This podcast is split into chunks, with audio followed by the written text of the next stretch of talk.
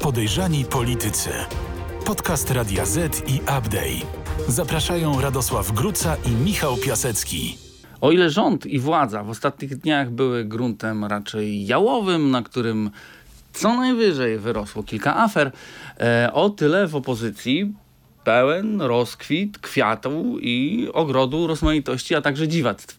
Bo w opozycji jest tak, że im bardziej się dzieli, e, tym bardziej się mnoży. I chociaż nie ma to nic wspólnego z logiką i z matematyką, to jednak z politycznego punktu widzenia jest dość twórcze. Zwłaszcza, że to, co dzieje się teraz, jest nie pomyśli zarówno Jarosława Kaczyńskiego, jak i Donalda Tuska.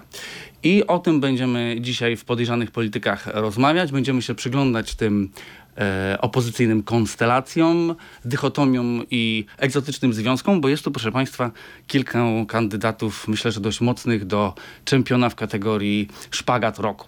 Dzień dobry, Michał Piasecki, aplikacja newsowa Update, a po drugiej stronie podróżujący, pracujący Radosław Gruca, Radio ZPL. Tak jest, Radosław Gruca, główny podejrzewacz e, polityczny trzeciej RP, który e, dziś pracuje na Ktoś wyjeździe. Dziś pracuje na wyjeździe, podgląda polityków nie w Warszawie. E, Dobrze, Radek, szybkie pytanie. E, Ona mm, e, była policjantka, on, nie wiem czy były, ale na pewno zadymiarz. E, Czy to będzie polityczny mezalians, czy paliwo rakietowe roku? Rozumiem, że chcesz porozmawiać o wydarzeniu tygodnia, którym jest pączkowanie partii opozycyjnych, tak? Albo Licznych, komitetów, komitetów opozycyjnych. E, To prawda, y, dużo się mm, wydarzyło. Dzisiaj, y, kiedy nagrywamy ten podcast, mamy debiut y, politycznych dwóch aliansów. Jeden jest spodziewany, drugi jest chyba tym, o którym mówiłeś, że jest egzotyczny. Ten spodziewany to y, Szymon Hołownia y, z PSL-em. Dobrze, dobrze, tu nie ujawniaj zbyt wiele, bo o tym, kto w opozycji, kto z kim, ile razy, z jakim skutkiem i z kim na tylnym siedzeniu, to będziemy sobie właśnie rozmawiać w wydarzeniu tygodnia. E, W stanie gry porozmawiamy mm, o wstrząsach wtórnych po Willi Plus, em, ale także o lękach, lękach opozycji przed rozmnożeniem przez MSWiA e, stanów wyjątkowych. E, A o czym będziemy mówić kontrowersji tygodnia, Radosław? Oczywiście o procesach, które mają wystartować, ale co z nich będzie, to zobaczymy. Oczywiście mówimy o tych procesach, które e, w 2015 roku zwolennicy PiSu nazywali programem Cela Plus, czyli mm, chęci do, mm, w ten sposób artykułowali, chęć do zamknięcia polityków Platformy Obywatelskiej i PSL-u. I będziemy na pewno mówić o Sławomirze Nowaku. A jak o Sławomirze Nowaku, to e, czas nas goni, ha, ha, ha, taki suchar, bardzo słaby, bo Sławomir Nowak to już nie jest pan tik-tak, e, bo to nie o zegarki chodzi e, w procesie, który się teraz toczy, ale jeżeli dobrze pamiętam, to o 17 zarzutów e, przestępstw e, z kodeksu karnego. Zacznijmy. Kontrowersja tygodnia. Proces Sławomira Nowaka, byłego ministra w rządzie Donalda Tuska, a także byłego szefa jego gabinetu oraz potem szefa Ukraińskiej Państwowej Agencji Drogowej Ukrawator, e, prowadzi, czy też ma prowadzić e, sędzia Iwona Szymańska. Prywatnie żona Konrada Szymańskiego, byłego ministra w rządzie PiS do spraw europejskich.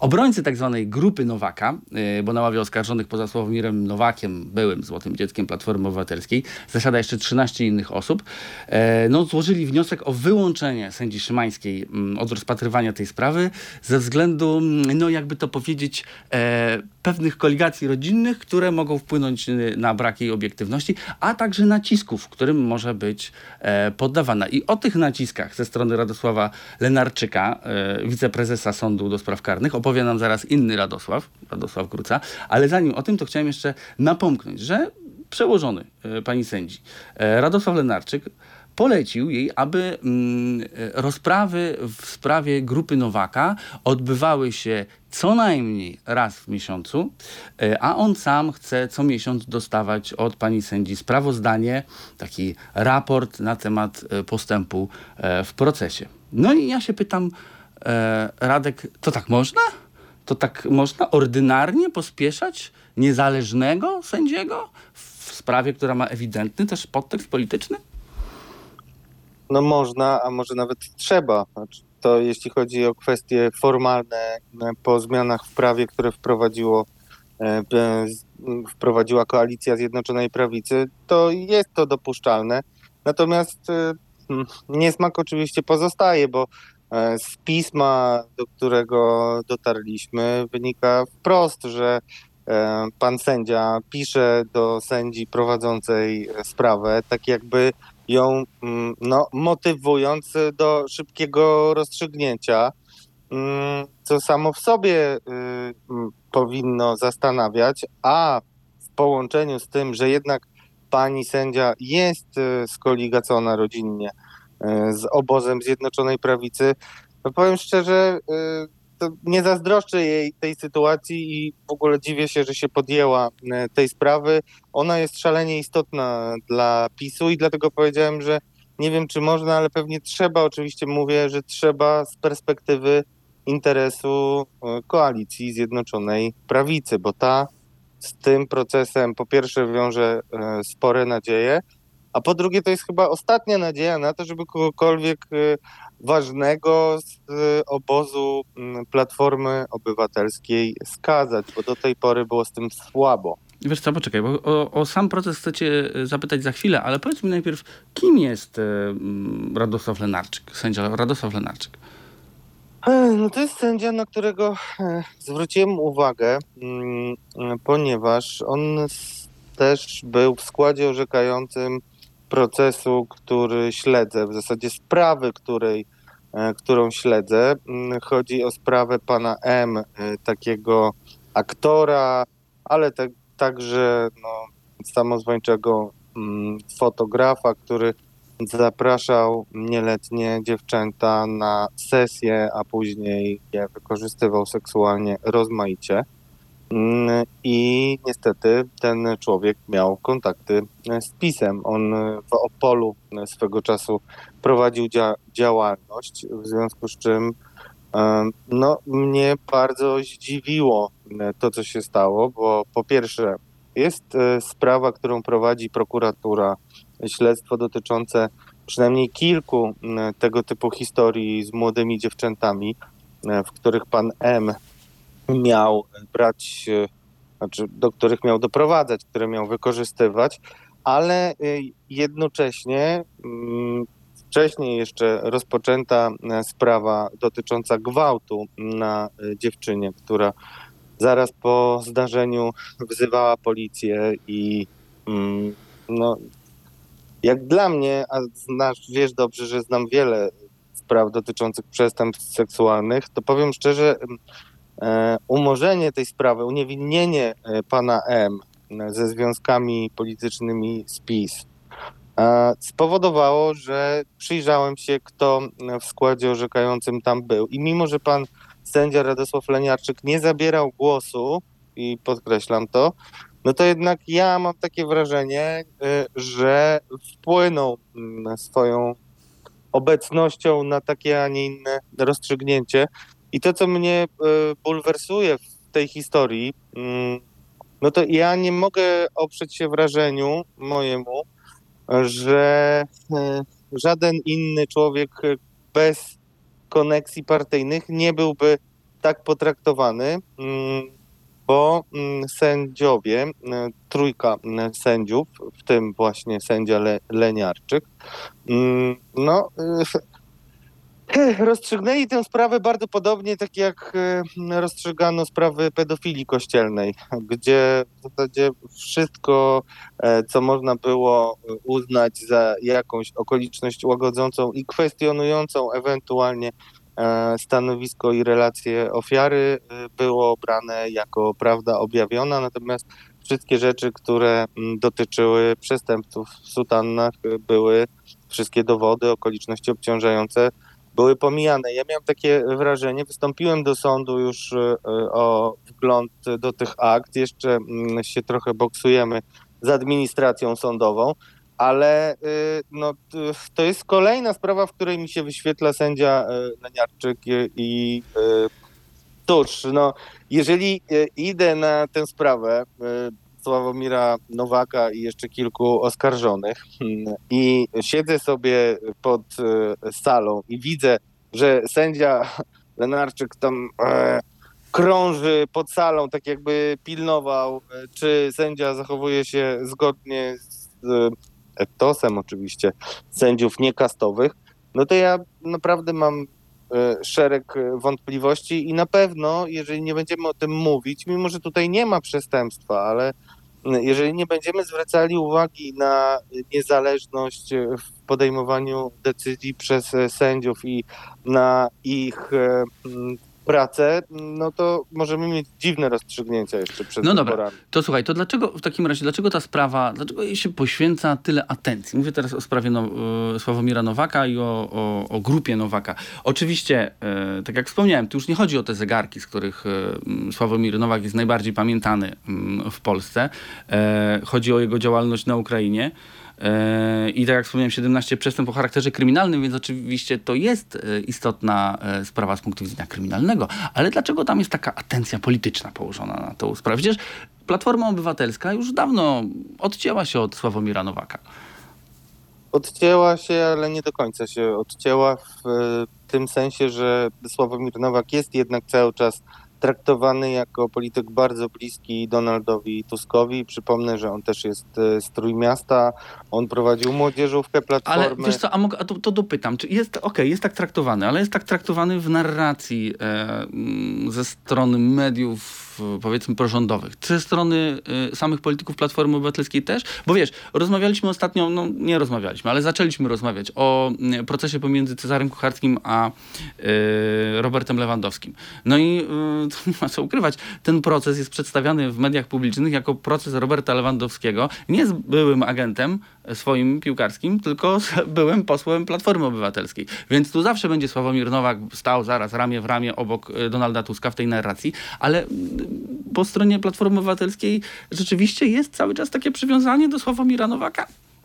Ja go nie widzę zupełnie. Nawet e, słyszałem ostatnio od jednego z polityków Platformy, że Sławomir Nowak e, szukał no, możliwości pożyczenia jakichś pieniędzy, bo em, chyba nie jest teraz e, mu e, nie wiedzie szczególnie dostatniego życia i też mu nie pomogli. Nie wiem na ile na ile nie chcieli, a na ile nie mogli, ale y, na pewno nie jest tak, że ktokolwiek z Platformy chciałby umierać za Sławomira Nowaka. Tam jego y, historia jest trudna do obrony. Mm, W świetle tych faktów, które znam, przyznaję się, że zostawiłem to innym kolegom akurat, którzy już y, sprawą Nowaka się zajmowali, ale wiem o różnych okolicznościach dotyczących no, współpracy między innymi CBA z ukraińskimi służbami, e, które no, już nie byłyby tak korzystne dla e, PiSu, a które nie zamieniały się w żadne postępowania czy też jakieś. No e, dobrze, ale śledztwa. wróćmy do sedna sprawy. Dlaczego, dlaczego politycznie tu jest położona taka atencja na sprawę Sławomira Nowaka, który jest już dawno spalony? No bo zobaczmy, jaki mamy efekt programu Cela Plus y, w tych wszystkich latach. No mamy 8 lat rządów, prokuraturę, która jest tak sterowana centralnie jak nigdy dotąd. Przez y, prokuratora generalnego, który nie waha się nawet ordynować kompletnie kuriozalnych rozstrzygnięć. Ja tutaj mam w pamięci chociażby e, akceptację dla decyzji pani prokurator, która, która wypowiadała się w sprawie kobiet, które próbowały blokować marsz 11 listopada, były plute, bite, tam szarpane, ewidentnie to było wszystko widać, a pani uznała, że to wszystko jest generalnie same e, się e, prosiły o kłopoty, więc e, nie będzie się tym zajmować. Szereg takich rozstrzygnięć jest, tak jak mówiliśmy w zeszłym tygodniu, to też się szerokim echem odbiło, bardzo dużo postępowań, którymi wcześniej z takich dość pospolitych przestępstw typu groźby, nagle okazuje się, że jeżeli tam znajdzie się jakaś osoba, która może być niewygodna dla władzy, to, mm, to prowadzą to dużo poważniejsi prokuratorzy. Notabene przy sprawie Roberta Lewandowskiego też błyskawicznie został oddelegowany e, pan prokurator, e, e, który zajmuje się praniem brudnych pieniędzy i tak dalej z prokuratury krajowej, a prokuratura na początku w ogóle nie chciała przyznawać, że takie zgłoszenie było.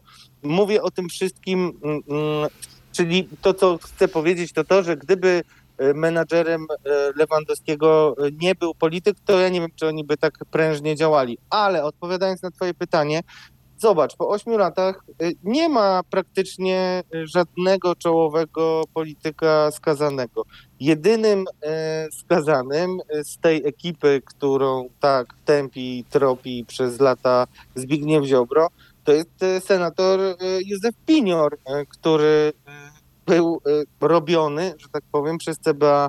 Czynności w stosunku do niego były wykonywane jeszcze zanim PiS e, doszedł e, do władzy. Zresztą bardzo podobna sytuacja była ze Stefanem Niesiołowskim. Też byłem senatorem, któremu no, takie kulisy dotyczące postępowania prokuratury, jakieś tam informacje o jego różnych seksualnych ekscesach zniszczyły mu karierę, ale został uniewinniony, w, przynajmniej w pierwszej instancji. Czyli no, lata mijają, wszystkie służby są mm, podporządkowane PiSowi, a skazań nie ma.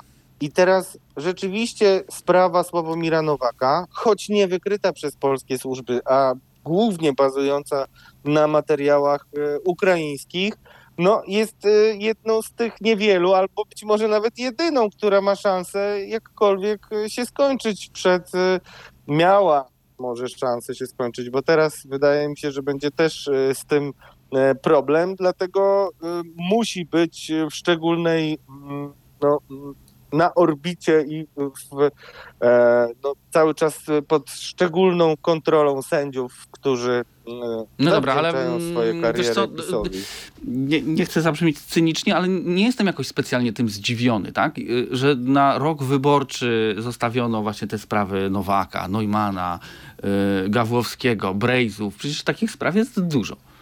I to, to nie, przepraszam, nie jestem zaskoczony, że procedowanie ich będzie miało, będzie próba finalizacji tego będzie miała miejsce w roku wyborczym.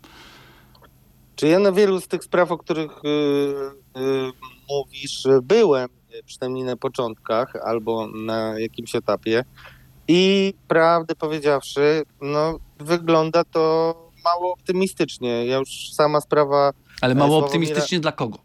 Mało optymistycznie. Dla PiSu oczywiście, no bo PiS zbudował takie wrażenie i Jarosław Kaczyński zbudował przez lata takie wrażenie, że y, jest układ zamknięty, który on będzie rozwi- rozbijał i on jako jedyny uczciwy, nie szukający w polityce władzy, y, no nie, no, to tak nie wmawiał, nie szukający pieniędzy e, w polityce y, jest tym, który ma ten układ rozbijać, a tymczasem jeżeli mamy jakieś układy, to widzimy, że y, są bardzo wyraźne układy y, po stronie ekipy rządzącej. I muszę ci powiedzieć, że jadąc w pociągu czytałem opracowanie pana Madziara, to jest socjolog węgierski, który y, ukuł takie pojęcie i bronił tego pojęcia y, państwa mafijnego w kontekście do Węgier. E, I tam e, przedmowę pisał polski z kolei e, politolog, e, który pisze te słowa, ta książka była wydana w 2018 roku i on już wtedy pisał, że po pierwsze jesteśmy bardzo e, podobni do Węgier, a po drugie wcale się nie zdziwi, jak wkrótce ci nominaci różni partyjni będą wpłacać pieniądze bezpośrednio na partię. I zobacz, e, minęło, minęło 5 lat prawie od wydania tej książki i e, cóż, m, nie był złym prorokiem, ale po prostu sprawdziło się to, co mówił. Także No Wiesz, każda, każda władza stworzy, tworzy swój układ. nie, nie Po, każda, pokarmowy, nie każda. po, każdy ma swój układ pokarmowy, oddechowy. E, dobrze, to zostawmy na razie sędziów. Mm, Do sprawy Nowaka na pewno będziemy wracać, do sprawy grupy Nowaka. Ale to jeszcze jedną rzecz może powiedzmy, bo to jest bardzo istotne, bo, ty, bo może, może to nie do końca jasno i, i, i twardo wyartykułowałem. No sytuacja jest taka, że dopiero co skierowano akt oskarżenia w sprawie tak zwanej afery na Wrocławiu, gdzie rządzi e, ojciec e, Krzysztofa Brejzy, senatora, a wcześniej posła Platformy i też szefa kampanii wyborczej. Senatora, który był e, wielkim wrogiem PiSu i doprowadził do tego, że PiS stracił w pewnym momencie nagle z dnia na dzień 10%. Dzięki swojej skrupulatności doprowadził, bo ujawnił drugie pensje w rządzie e, Beaty Szydło i wtedy stał się absolutnie celem, wrogiem numer jeden. I teraz zobacz, jest e, wielka afera, która tam miała być farma troli, hejty i tak dalej. Okazuje się, że znowu tutaj mamy aferę, w której są ludzie e, związani z PiSem, na ławie oskarżonych, Brejzów nie ma, a e, skandal i smród jest, bo właśnie w tej sprawie tak e, to mm, sobie wymyślono, że e, włączy się Pegasusa e, Brejz, Krzysztofowi Brejzie. I zresztą tutaj też za to odpowiedzialny, czy współodpowiedzialny jest e, Jarosław Kaczyński, e, który w wywiadach mówił jasno, że tam są poważne e, poważne podejrzenia przestępstwa. No i gdzie są, panie prezesie, te poważne podejrzenia? Nie wiem, gdzieś chyba w umyśle. Okej, marzenia. rozumiem. Chcesz e, wskazać na ten, na to tąpnięcie i ten rozdźwięk pomiędzy zapowiedzią polityczną, a realizacją później w prokuraturze. Okej, rzeczywiście widzę tu pewną niekonsekwencję. Natomiast tak jak wspomniałem, mm, układ, e, rok wyborczy to w zasadzie jest... e, To nie wiem. Nie, nie wiem, czy to tutaj ta, akurat ta władza jest jakimś wielkim wyjątkiem mm, w stosunku do każdej innej władzy. E, To będę cię pytał nie pytam o skalę. Nie mówię, nie mówię o skali, nie mówię o skali, mówię o mechanice działania. E, Bo w podejrzanych politykach to na tym nam zależy, żeby pewne mechanizmy pokazywać. Dobrze, przejdźmy teraz do wydarzenia tygodnia, ponieważ porozmawiamy trochę więcej o opozycji i o tym licznym pączkowaniu, które tam ma miejsce. Wydarzenie tygodnia. Niewiele, jeżeli w ogóle coś w ostatnim czasie toczy się y, na opozycji po myśli Donalda Tuska. Z drugiej strony niewiele chyba też toczy się po myśli Jarosława Kaczyńskiego. E, Niemniej tworzą się tam cały czas e, nowe ugrupowania, nowe sojusze, pojawiają się nowe twarze. W niektórych e, nowych ugrupowaniach rzeczywiście są nowe twarze, e, niekoniecznie jeszcze tak bardzo zgrane jak do tej pory. I o tym chcemy dzisiaj porozmawiać z Radosławem, przyjrzeć się troszeczkę bliżej, kto z kim w tej opozycji się przytula i kto siedzi na tylnym siedzeniu, ponieważ w niektórych przypadkach jest to bardzo istotne. W każdym razie sięgając po tytuł z Gwiezdnych Wojen, te nowe życie, które pączkuje w tym ogrodzie, to zawsze jest nowa nadzieja. A nowa nadzieja to także nowe zagrożenie dla tych dużych, czyli dla PiSu i dla Platformy e, Obywatelskiej.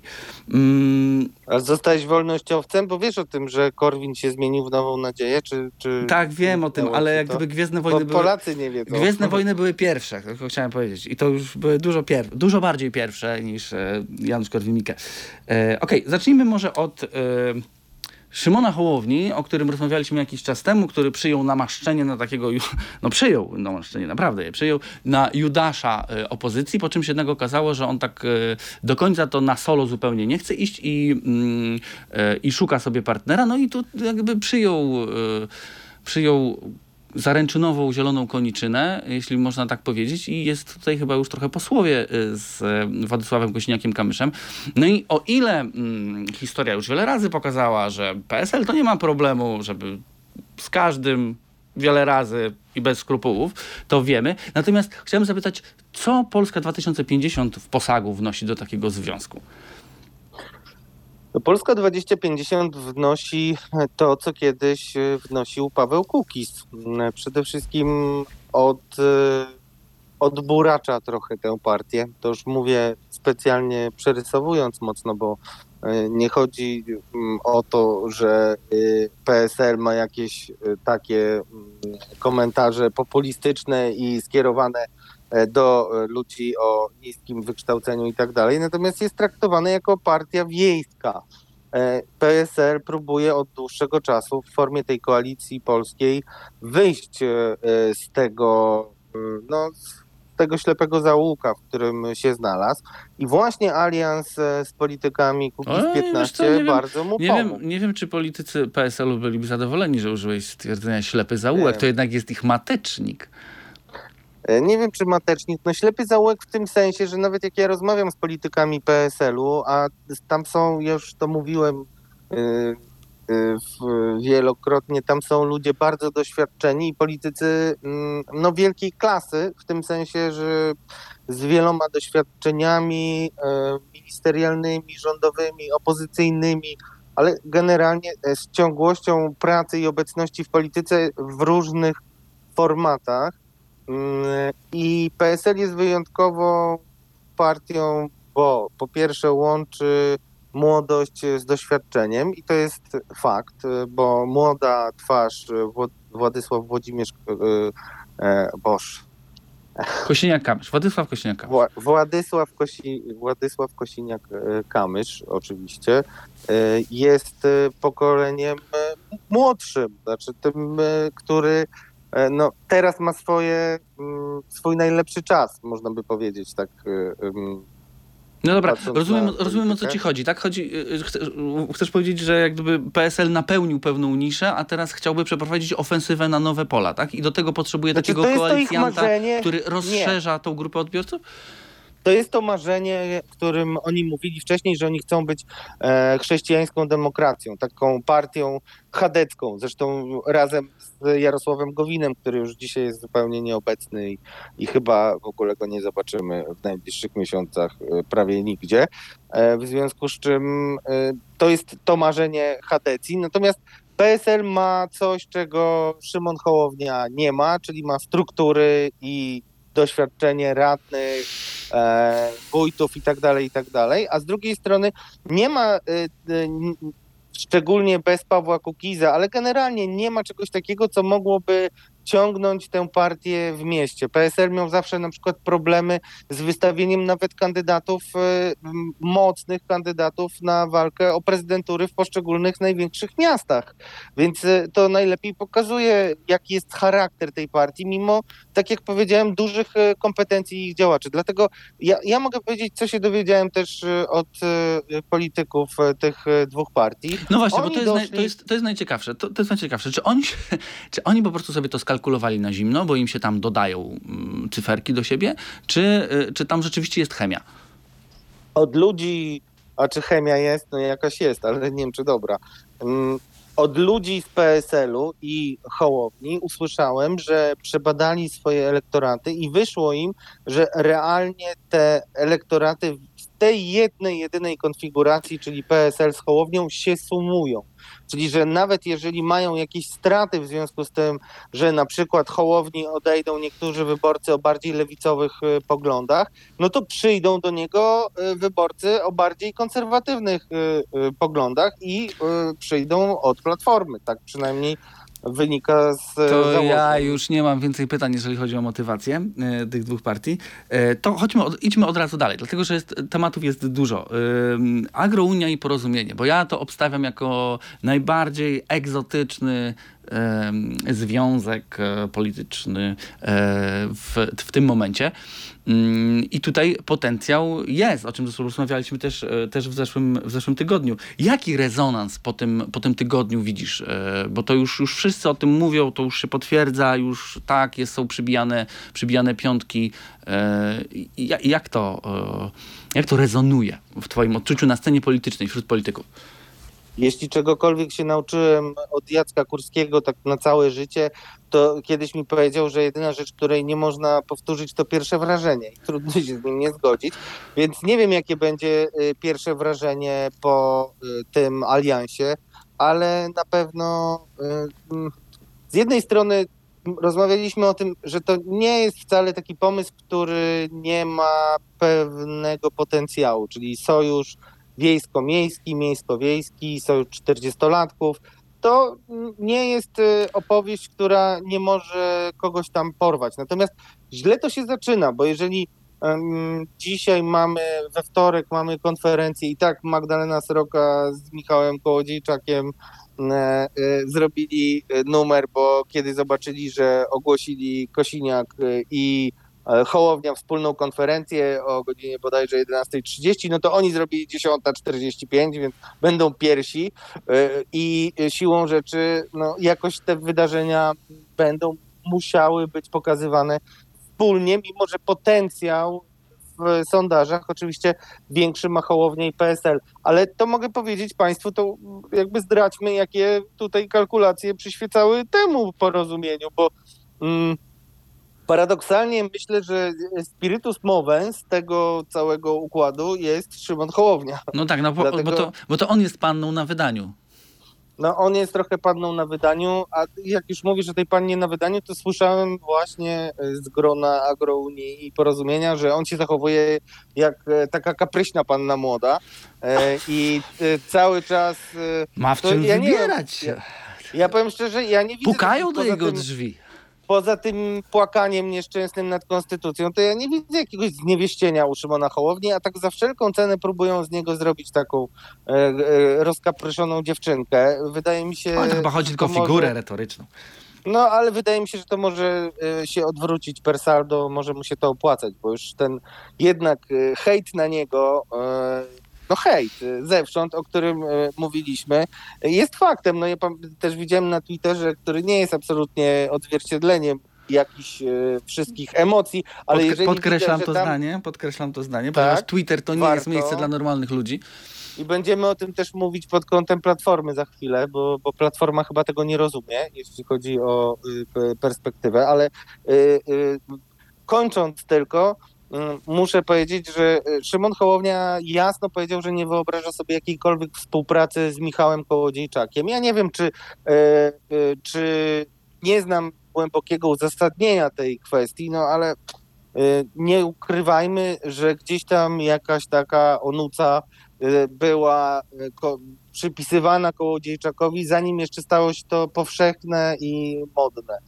Y, To może być problem y, i to spowodowało, że mm, Kołodziejczak y, ze Sroką, nie chcąc ciągle czekać gdzieś tam na ławce rezerwowych po to, żeby mnie wybrali, wiesz, to jest trochę tak jak mamy taką sytuację na opozycji, że jest jakiś, tak jak na boisku Poczekalnia. szkolnym idziesz, nie, jak idziesz na boisko szkolne i jest dwóch kapitanów i oni sobie wybierają. No i masz tutaj dwóch kapitanów, czyli Szymona Hołownię i Donalda Tuska i oni sobie wybierają.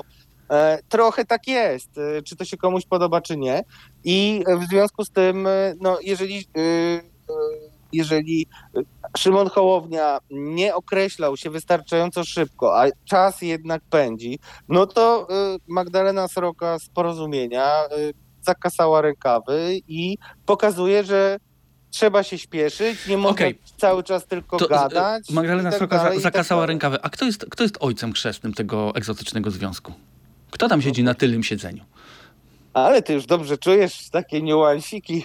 Ojcem chrzestnym jest y, ktoś, kto rzeczywiście y, przez niektórych jest przedstawiany jako ojciec chrzestny, czyli pan, mm, pan Balasz, y, czyli y, oligarcha księcia Wolina, tak się mówi o nim w zachodniopomorskim. Bardzo majętny y, człowiek. y.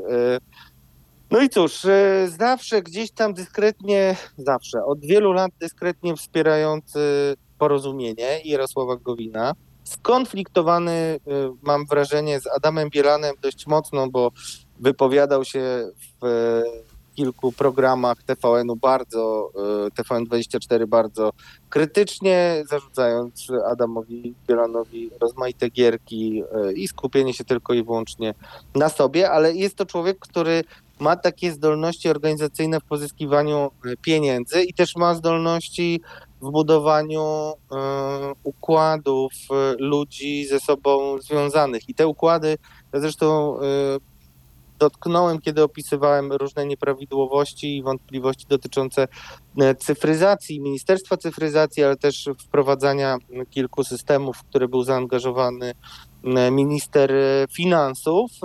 E, I wtedy e, widać było w Ministerstwie Finansów, ale też w cyfryzacji, ale też w NASK-u na przykład, e, czyli w tych, w tych instytucjach, które podlegały ministrowi mm, Zagórskiemu, który był poprzednikiem ministra Cieszyńskiego na stanowisku ministra cyfryzacji. I widać było, że masę ludzi ze Szczecina obsadziło te istotne instytucje biorące udział w procesach cyfryzacyjnych, tak bym powiedział, nie wiem czy do końca prawidłowo, mm, no ale generalnie w tych wszystkich e, innowacyjnych projektach, a to jest bardzo ważne, dlatego że tam są olbrzymie pieniądze i między innymi z KPO bardzo dużo pieniędzy będzie, będzie trafiało do instytucji, e, które mm, no, są związane z tym tak zwanym układem szczecińskim.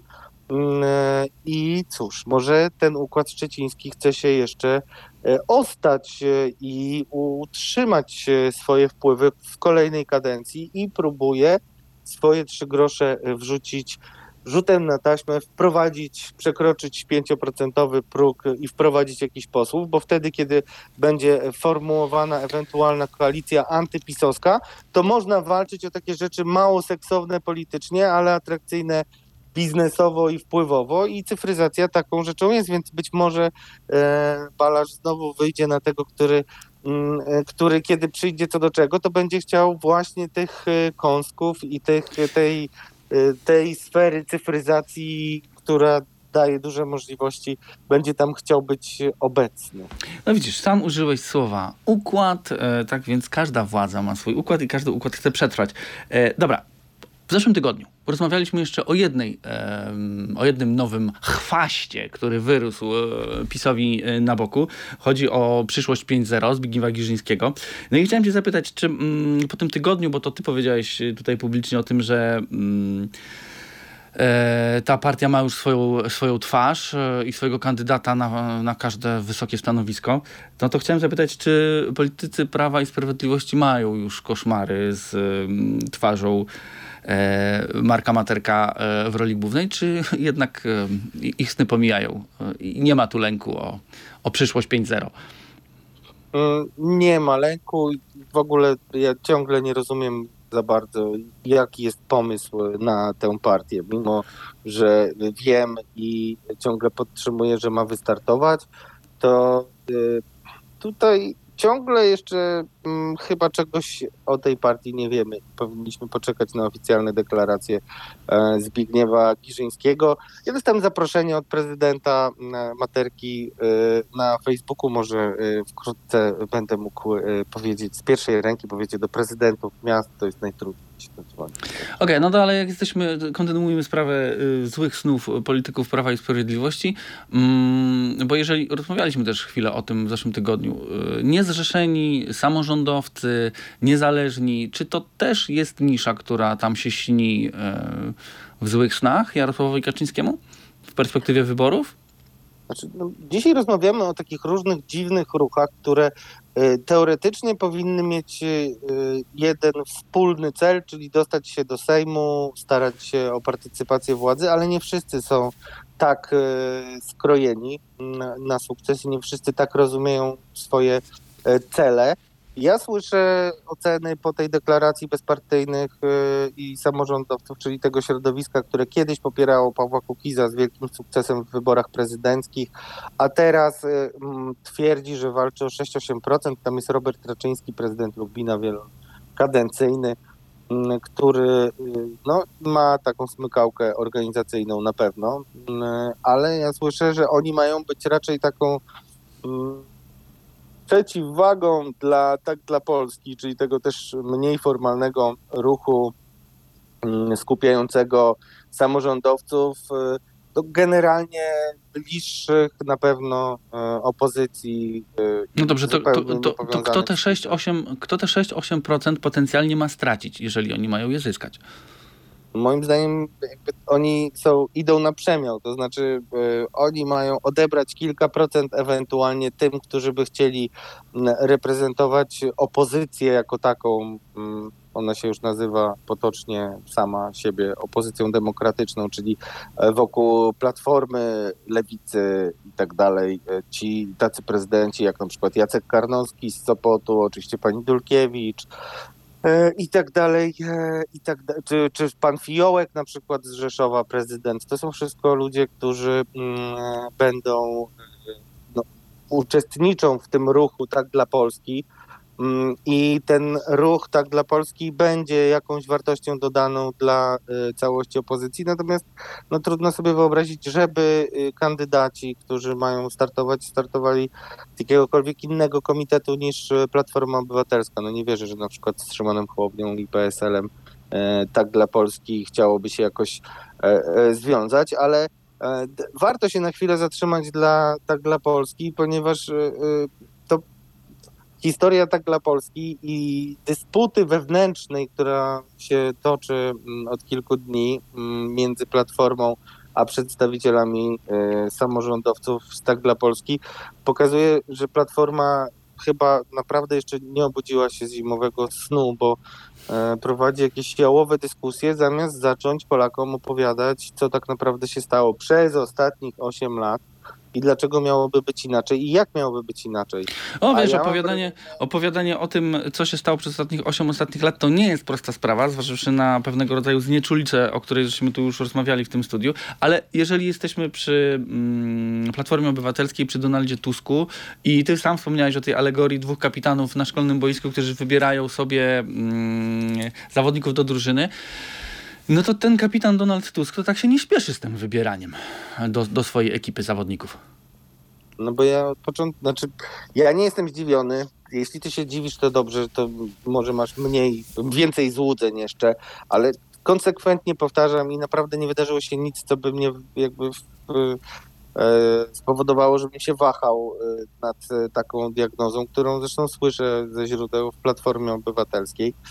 E, Powtórzę, Platforma chce koncepcji dwóch wież, czyli chce znowu polaryzacji między Platformą a PiSem.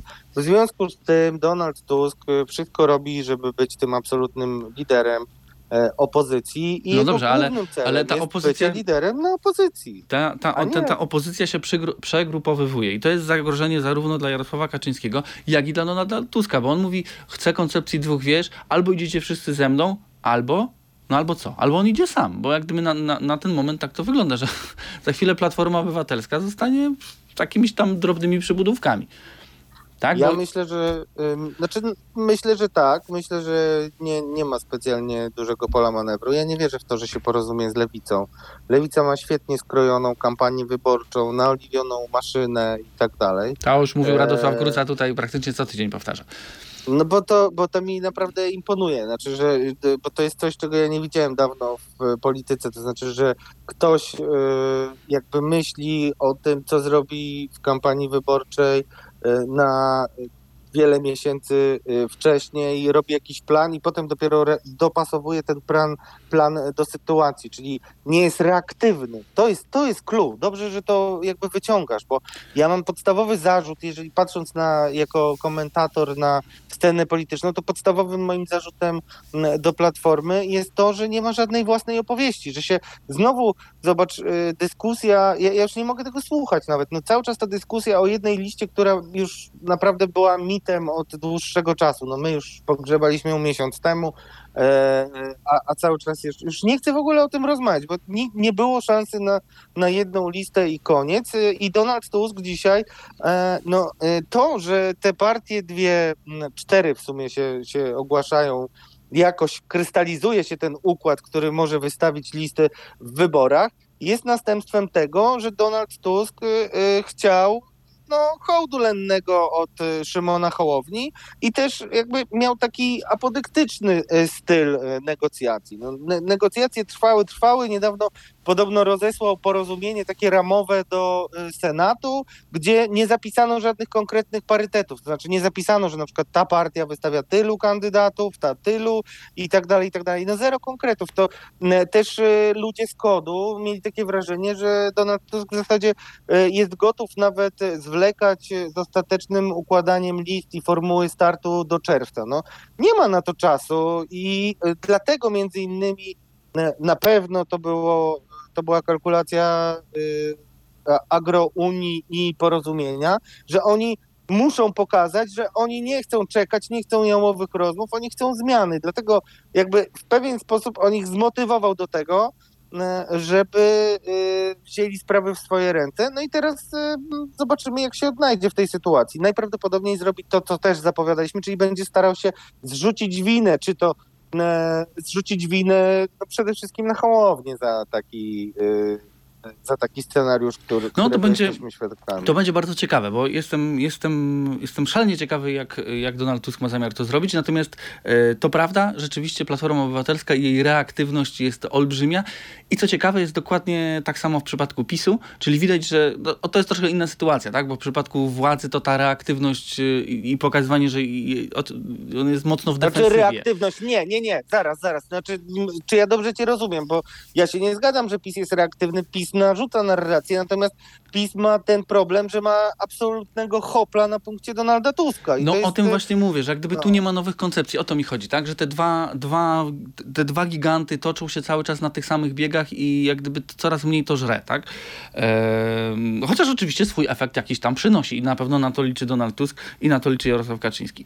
Dobrze, Znaczy, ale... na, pewno, na pewno powinniśmy zauważyć, że y, dzieje się coś, y, czego ja się nie spodziewałem, czyli trochę jednak wejście Donalda Tuska w nowe media, szczególnie TikToki itp. Y, powoduje, że on już jakoś y, mniejszy ma ten negatywny elektorat. Y, Wydaje się, że to straszenie jednak przegrzane jest już dzisiaj ze strony PiSu, że kiedy tak samo było zresztą z Jarosławem Kaczyńskim. Jarosław Kaczyński, którym straszono przez lata, nagle wyszedł w kampanii zupełnie spokojny, opanowany, chował Macierewiczów i różnych kontrowersyjnych polityków, udawał takiego stonowanego, e, koncyliacyjnego wręcz. I to jakoś nie, i, i to był taki ząg, dysonans poznawczy między tym, jak przedstawiała go Platforma i reszta opozycji, e, z tym, co widzieli ludzie. Ja myślę, że bardzo podobny efekt może być teraz e, z Donaldem Tuskiem, który miał na być taki zły, zły, zły. ma to jakiś swój efekt, natomiast pamiętaj, biorąc też pod uwagę frekwencję wyborczą, że koniec końców do urn to y, ta grupa, do której skierowany jest na przykład TikTok, to jest grupa, która no może pójdzie, a może nie pójdzie, to zależy od tego, jaka będzie pogoda i, jaki, i co będzie akurat w telewizji w tym czasie, e, albo czy będą tanie, nie tanie, tanie bilety. Oni nie oglądają A telewizji. bardzo byś się zdziwił, mój drogi, bardzo byś się zdziwił, bo ją oglądają tylko nie e, TVP i nie TVN, a oglądają e, HBO, Disney i tak dalej. Dobrze, w każdym razie, jeżeli nie będzie wtedy tanich biletów na Majorkę, to jest szansa, że pójdą e, do urn. A kto pójdzie do nich na pewno? Twardy elektorat. To do, na pewno. Dobrze, e, przejdźmy do mm, e, stanu gry, bo tam dalej będziemy rozmawiać o ym, tej aktywności i reaktywności, e, zarówno po stronie rządu, jak i mm, e, po stronie mm, opozycji, ale bardziej w kontekście afer, bo wrócimy do e, sprawy e, pro, kontrowersyjnego projektu e, ustawy e, o zagrożeniach, a także do sprawy Willi Plus. Stan gry.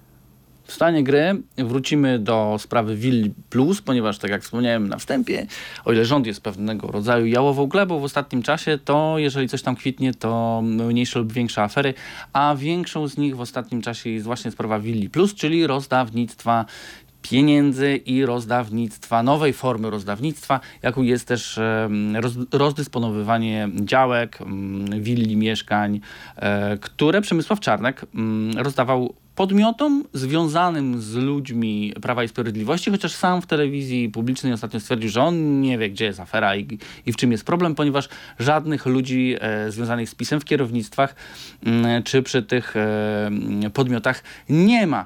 Co można by było e, się kłócić, natomiast e, trudno kłócić się z sondażem dzisiejszym e, Rzeczpospolitej, gdzie 55, e, ponad 55% osób opowiada się za dymisją em, Przemysława Czarnka w związku z nowym poziomem rozdawnictwa, jakim jest sprawa Villa Plus. No Radek, pytanie do ciebie. Retoryczne. Czy 55% e, za dymisją ministra to jest dla rządu ważny sygnał, czy nieważny e, w kwestii tego, jak e, polityk jest oceniany przez potencjalnych wyborców? Wydaje mi się, że to jest przekroczenie Rubikonu i rozmawiałem o tym specjalnie, szykując się do tego programu z kilkoma sprawdzonymi w bojach PR-owcami, spin-doktorami poszczególnych partii i pytałem ich, co oni na ten temat myślą i mm, najwięcej mówili mi o tym, że potencjalnie e, to jest olbrzymi problem e, dla PiSu, bo nie było jeszcze takiej bezczelności. To tak naprawdę przypomina na lata 90. i historia, cóż, zatoczyła koło. No. Mm, Bo tak jak na początku lat 90. PC było jedną z niewielu partii, y, które tak skorzystały, a nie inaczej na e, na zmianach, bo otrzymali e, super budynki e, w centrum miasta. Mm, No i to przez wiele lat była jedyna w sumie taka partia. No PSL się szybko wyzbył swojej siedziby. mm, Szybko, nie szybko. Był rozbrat e, z SLD e, i taką partią, która miała najwięcej e, różnych nieruchomości, e, to było Stronnictwo Demokratyczne, które było e, postkomunistyczne, post-PRL PRL-owskie, ale jednak demokracja w Polsce trwa już 33 lata ze zmiennym szczęściem, ale trwa i czegoś takiego rzeczywiście nie było do tej pory. Przekazywanie przez Czarnka środków na zakup nieruchomości, gdzie jeszcze sprzedaje te nieruchomości, czy fundacje pisowskie kupują nieruchomości od polskiego holdingu nieruchomości, który podlega Jackowi Sasinowi, to można sobie policzyć, że te 5 milionów, które e, dał na, e, na siedzibę e, Przemysław Czarnek, to jest jeden koszt, a dodatkowy koszt to 5 milionów, które straciliśmy w postaci sprzedaży majątku państwowego, czyli sprzedaży dla tej konkretnej fundacji siedziby.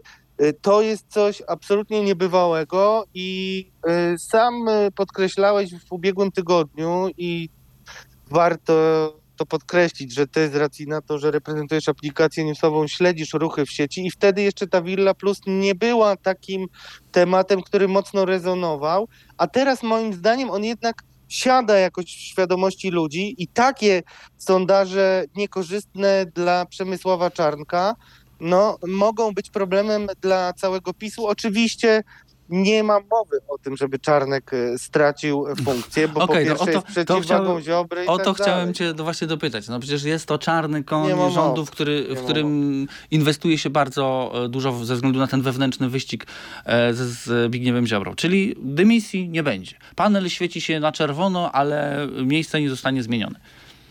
Miejsce nie zostanie zmienione, ale muszę powiedzieć, że y, przy tej okazji warto jest y, powiedzieć o tym, w jaki sposób stara się neutralizować kryzysy e, PiS y, tego typu. No bo skandal jest ewidentny. W zasadzie to jest złodziejstwo w majestacie prawa, bo no, wszystko jest zgodne z przepisami, ale jednak no, mm, władza, która jeszcze w momencie, kiedy ma na przykład niepłacącą rachunków policję, będę do tego wracał, i szereg innych zobowiązań, już mówię, ci nauczyciele, którzy w, ciągle nie otrzymali godziwych e, podwyżek, czy ludzie e, ze służby cywilnej, ludzie z administracji, którzy też nie mają żadnych nawet waloryzacji inflacyjnych, no to, to, to są wszystko chyba pilniejsze potrzeby niż 5 milionów na, na wydatek na zakup dla miłych PiSowi E, e, towarzyszy e,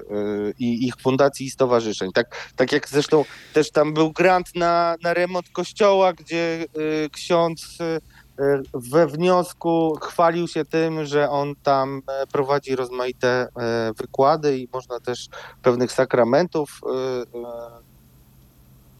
otrzymać pewne Dobrze. sakramenty i tak dalej. Już nie chcę. Sakramenty no to, zostawmy. To sakramencko kłamią. No. Powołam się jeszcze raz na, na jeszcze raz na Rzeczpospolitą, yy, która pisze o tym, że yy, to rozdawnictwo to ma miejsce nie tylko jednak w resorcie Przemysława Czartka, ale także yy, Piotr Gliński ma magiczne pudełko, odnosząc się do mm, takiej metafory, którą ukułeś poprzednim razem, z którego hojnie rozdaje i to też na prawo i lewo i to też w sposób dość kontrowersyjny. I tu na przykład Rzeczpospolita pisze o tym, że mm, resort Piotra Glińskiego przyznał pół miliona miliona złotych, czyli najwyższą możliwą e, dotację stowarzyszeniu, które powstało zaledwie dwa miesiące wcześniej. Co więcej, to stowarzyszenie nie figuruje e, w żadnym rządowym rejestrze i próżno jest szukać do niego jakiegoś kontaktu. Tu redakcja zadała sobie trud i pojechała e, do Sołtysa, wsi, w której to stowarzyszenie jest e, no, jest zarejestrowane, przynajmniej teoretycznie. Natomiast samorządowiec no, nie był w stanie stwierdzić, kto tak naprawdę za tym stowarzyszeniem stoi. No i ministerstwo daje pół miliona złotych.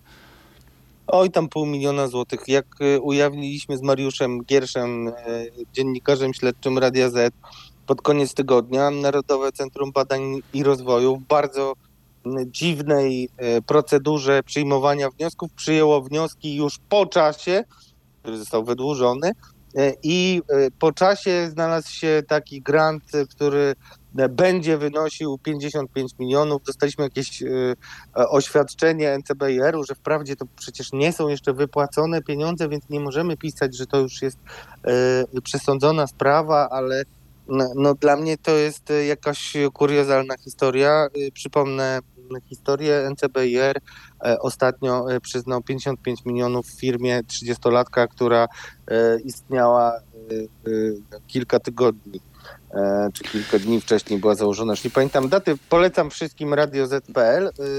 e, i teksty na ten temat, bo y, no widać, że tego jest dużo więcej i że jest to robione absolutnie No właśnie, bo my tutaj tydzień temu rozmawialiśmy o tym i ty mówiłeś, że to nie każdy może sobie pozwolić na takie rozdawnictwo, że no, no, no takie magiczne pudełko to miał do tej pory Ziobro, teraz ma Czarnek. No, sam wspomniałeś też o tym, że, że Piotr Gliński ma taki fundusz, ale y, no, tu gdzie się nie poskrobie, to farba odchodzi i pod spodem widać, że to rozdawnictwo kwitnie na każdym y, praktycznie poziomie.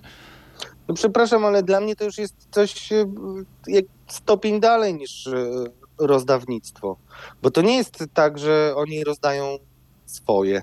Oni No tak, no, znaczy najpierw trzeba było znacjonalizować, żeby teraz, tak jak już mówiłem tydzień temu, sprywatyzować jeszcze raz we Ale to właściwe nie ręce. jest nacjonalizowanie, tylko to jest prywatyzowanie, No, uwłaszczenie dla siebie. Redaktor tak? To nie, słucha, co mówię. nie. Najpierw, e, najpierw e, znacjonalizować, żeby później zreprywatyzować jeszcze raz we we właściwe ręce.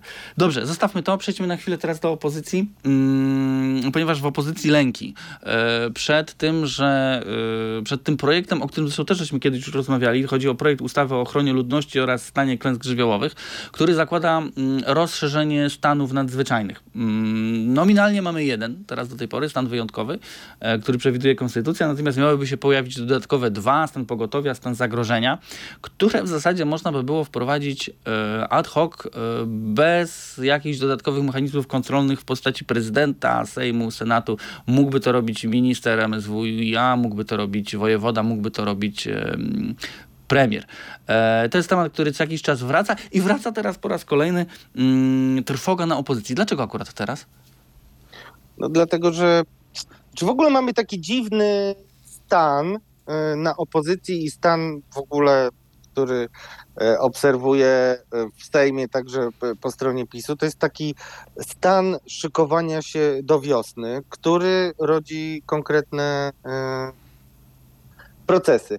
Przede wszystkim opozycja jeszcze nie może się mm, otrząsnąć y, z tego, co się nie zdarzyło. Czyli nie było zamrożonych y, staruszków y, przy zimnych kaloryferach, co jak rozmawialiśmy, musiałoby się przełożyć na problemy PiSu. Mamy najcieplejszą zimę od dawna, no chyba w nowy rok mieliśmy wiosnę w zasadzie. A, Więc- dobrze, dobrze, no teraz idzie minus 20. Jak Zresztą Radio No, ale- Z też ale o tym pisze. Chociaż No, te, pro, w, te, w te prognozy, w te prognozy pogody to ym, tak bezpiecznie proszę na to patrzeć z przymrużeniem oka. No dobrze, ale, zima, jeszcze się nie skończyła. Nie jest siarczysta, węgiel jest, y, rząd sobie z tym poradził i idzie na rympał, prywatyzując się, uwłaszczając się na naszym wspólnym majątku. To podcina skrzydła, to wpływa na morale opozycji. Ja nawet dzisiaj y, w delegacji, y, na spotkaniach z informatorami słyszę, że zobacz, ten PiS to jednak wygra na 100%, tu nic się nie da zrobić. Taka, A, to, a wiesz co jest zabawne, bo ja, ja, ja od dwóch tygodni od dwóch tygodni też słyszę to samo. Wszyscy mówią, że No. nie, nie, jednak, wiecie co, jednak PiS to wygra te wybory. Tak.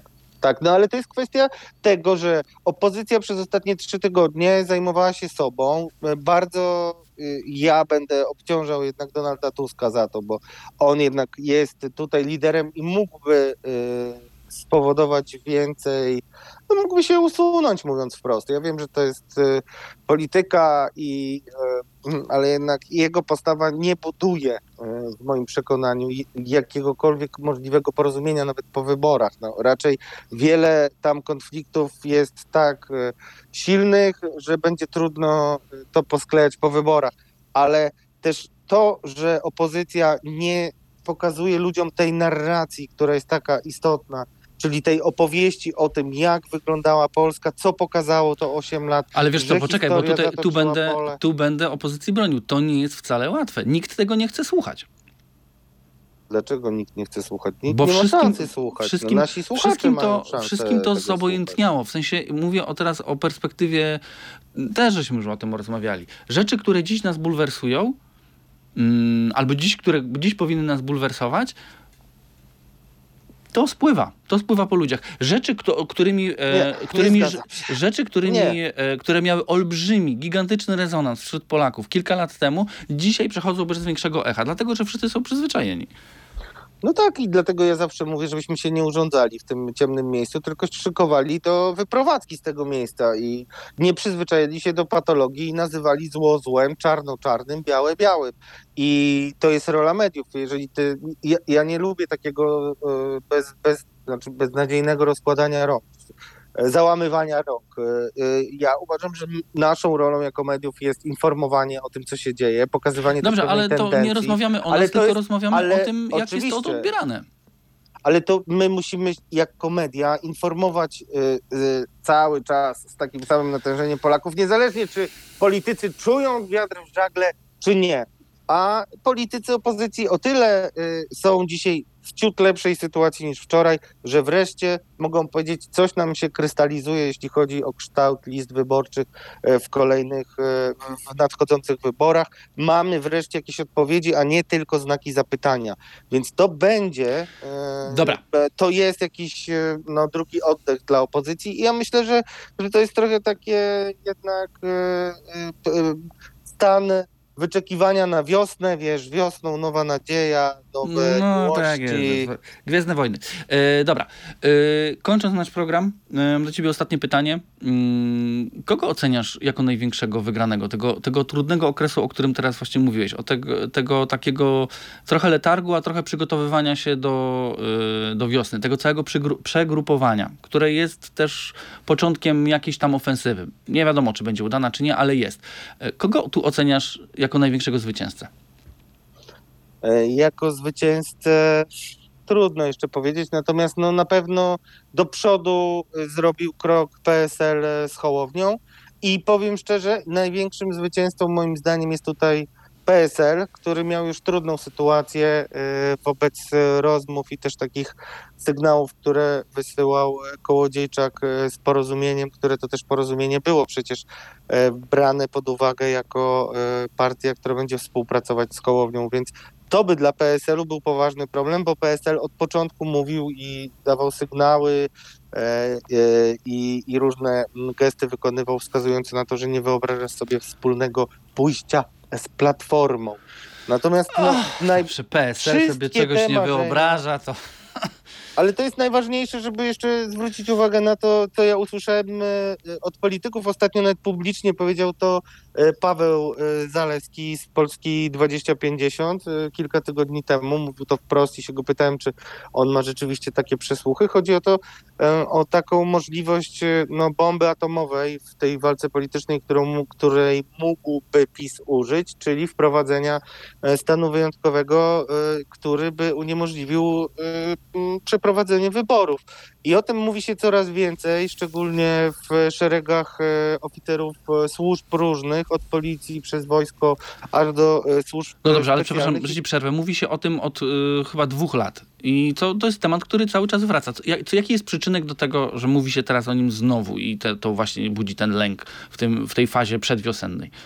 Przyczynków jest bardzo dużo, ale no, wystarczy podać jeden bardzo konkretny, czyli tą ofensywę, która jest szykowana na Ukrainie i która może e, spowodować różne działania, na przykład na zachodniej Ukrainie, które odbiją się nawet niekoniecznie echem e, na Polsce. Zresztą, już nie, nie chcąc budować jakichś szalenie spiskowych teorii, ale ja sobie wyobrażam ze 100 scenariuszy, e, które mogą być pretekstem e, do wprowadzenia takiego No dobrze, ale wiesz co, okej, bo te, te stany wyjątkowe, one są tak zapisane dokładnie w taki sposób, że tu każdy pretekst jest dobry. Trzęsienie ziemi w Turcji jest już powodem do tego, żeby stan pogotowia ogłosić w, w południowych regionach Polski, tak?